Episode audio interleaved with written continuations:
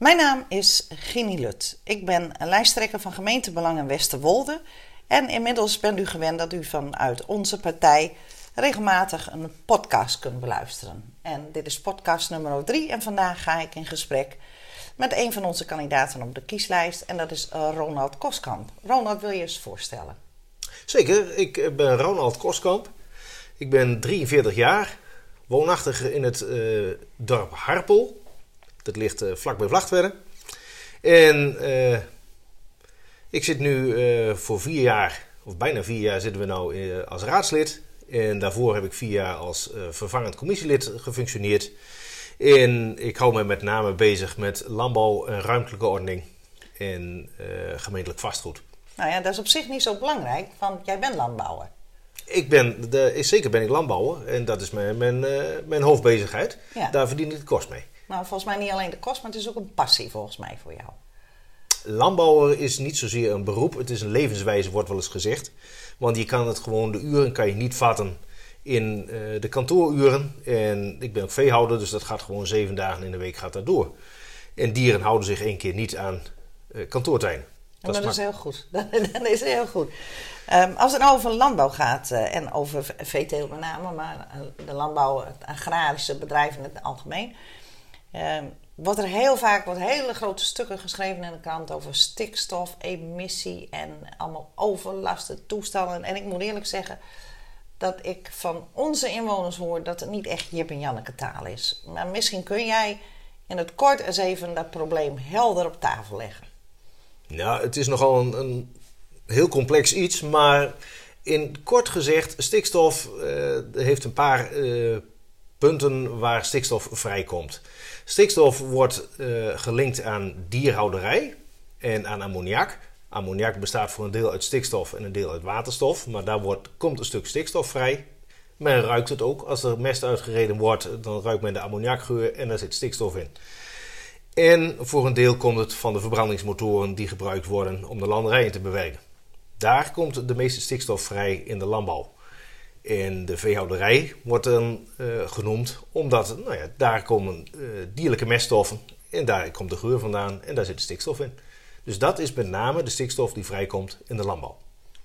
En daar wordt natuurlijk heel hard gewezen naar de, naar de landbouw, naar de boeren. En, en uh, we hebben het er kort net even over gehad. Van wij drinken natuurlijk altijd even een kopje koffie als we een podcast opnemen is met name, jij zei nou, dat is heel makkelijk te verklaren. In de lockdown was er veel minder stikstof. Stikstof komt niet alleen uit de landbouw. Stikstof komt ook van de industrie, komt ook van verkeer. En een van de uh, grotere verkeersstromen is natuurlijk het vervoer en het vervoer van mensen. Uh, dan denk ik aan de scheepvaart over zee, maar met name ook aan de vliegtuigen.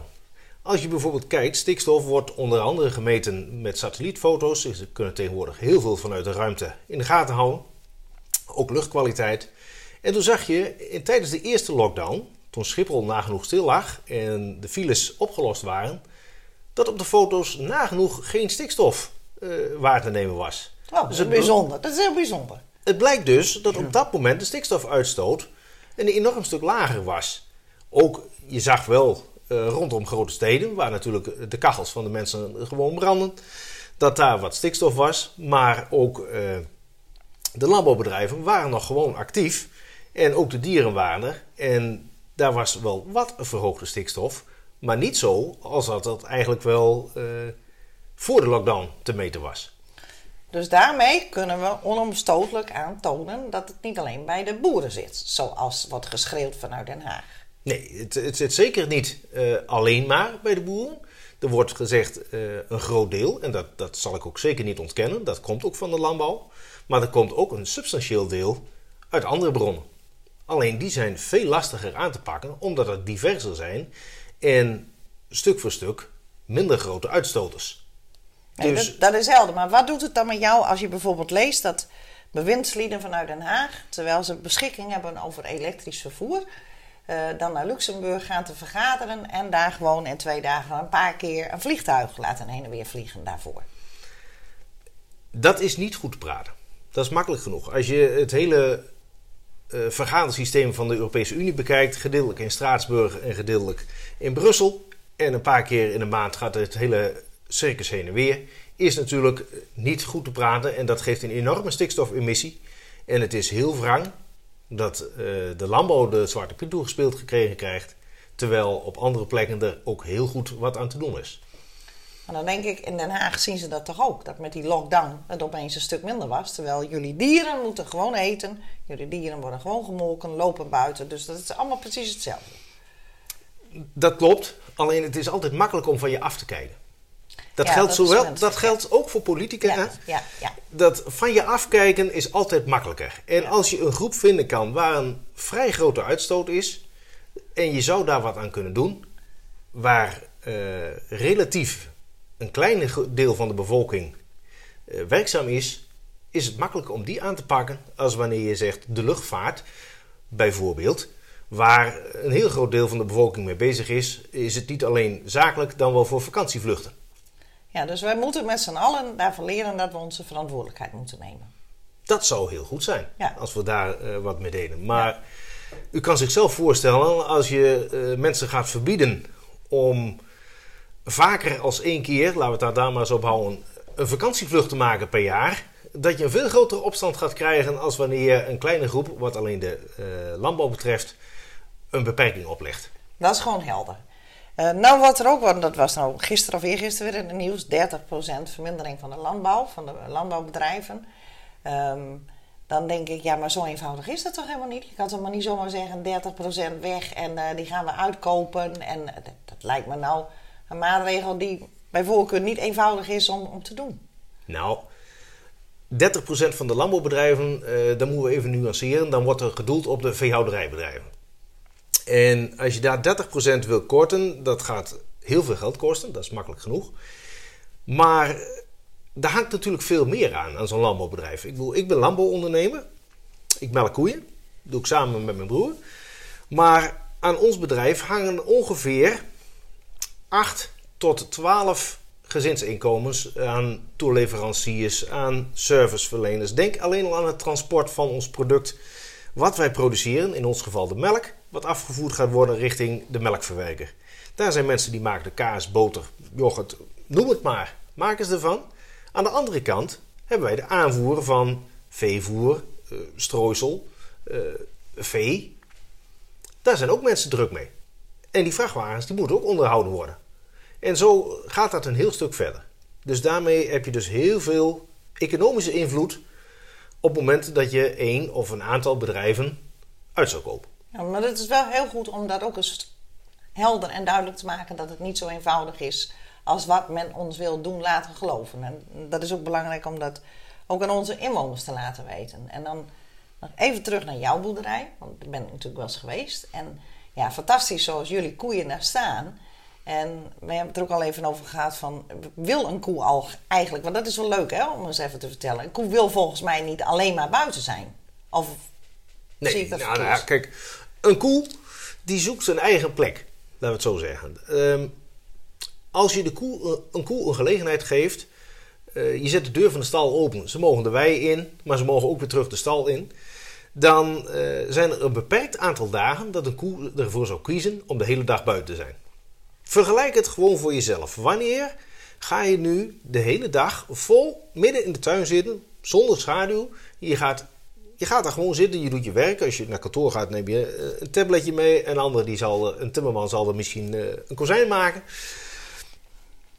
Hoeveel dagen per jaar is het plezierig om dat midden in de tuin te doen? De hele dag door. Nou, niet.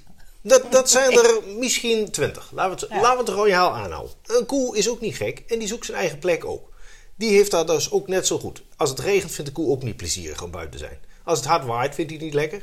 Maar vol in de zon vindt hij ook niet lekker. Een koe, zeker een melkkoe, die heeft helemaal geen probleem met vorst. Die vindt vorst juist plezierig. Want melk maken is arbeid. Daar komt warmte bij vrij. En van nature willen ze dat graag kwijt. En de moderne stal vandaag aan de dag, die heeft een geïsoleerd dak. Dus die heeft van die directe zonlicht en de warmte die daar vrijkomt, weinig tot geen hinder. Ze zijn open, ze zijn ruim. Er is ruimte voor een koe. Ze kunnen lekker liggen. Er is normaal gesproken voer genoeg. Wat ook nog uh, de koe wel gevallig is, wat hem lekker smaakt.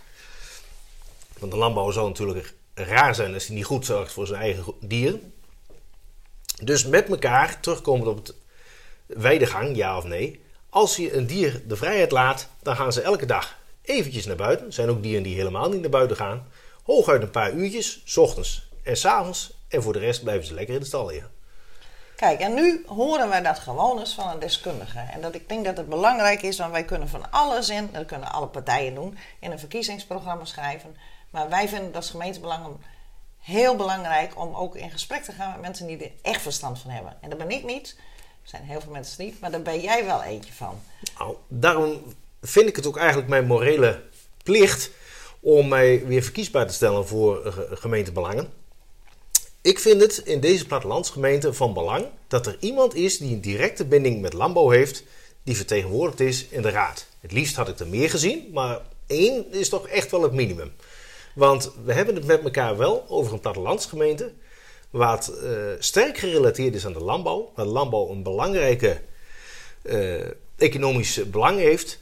Dan is het ook van belang dat er ook bij de gemeente iemand is die toch enigszins een nuance kan maken uh, voor of richting landbouw.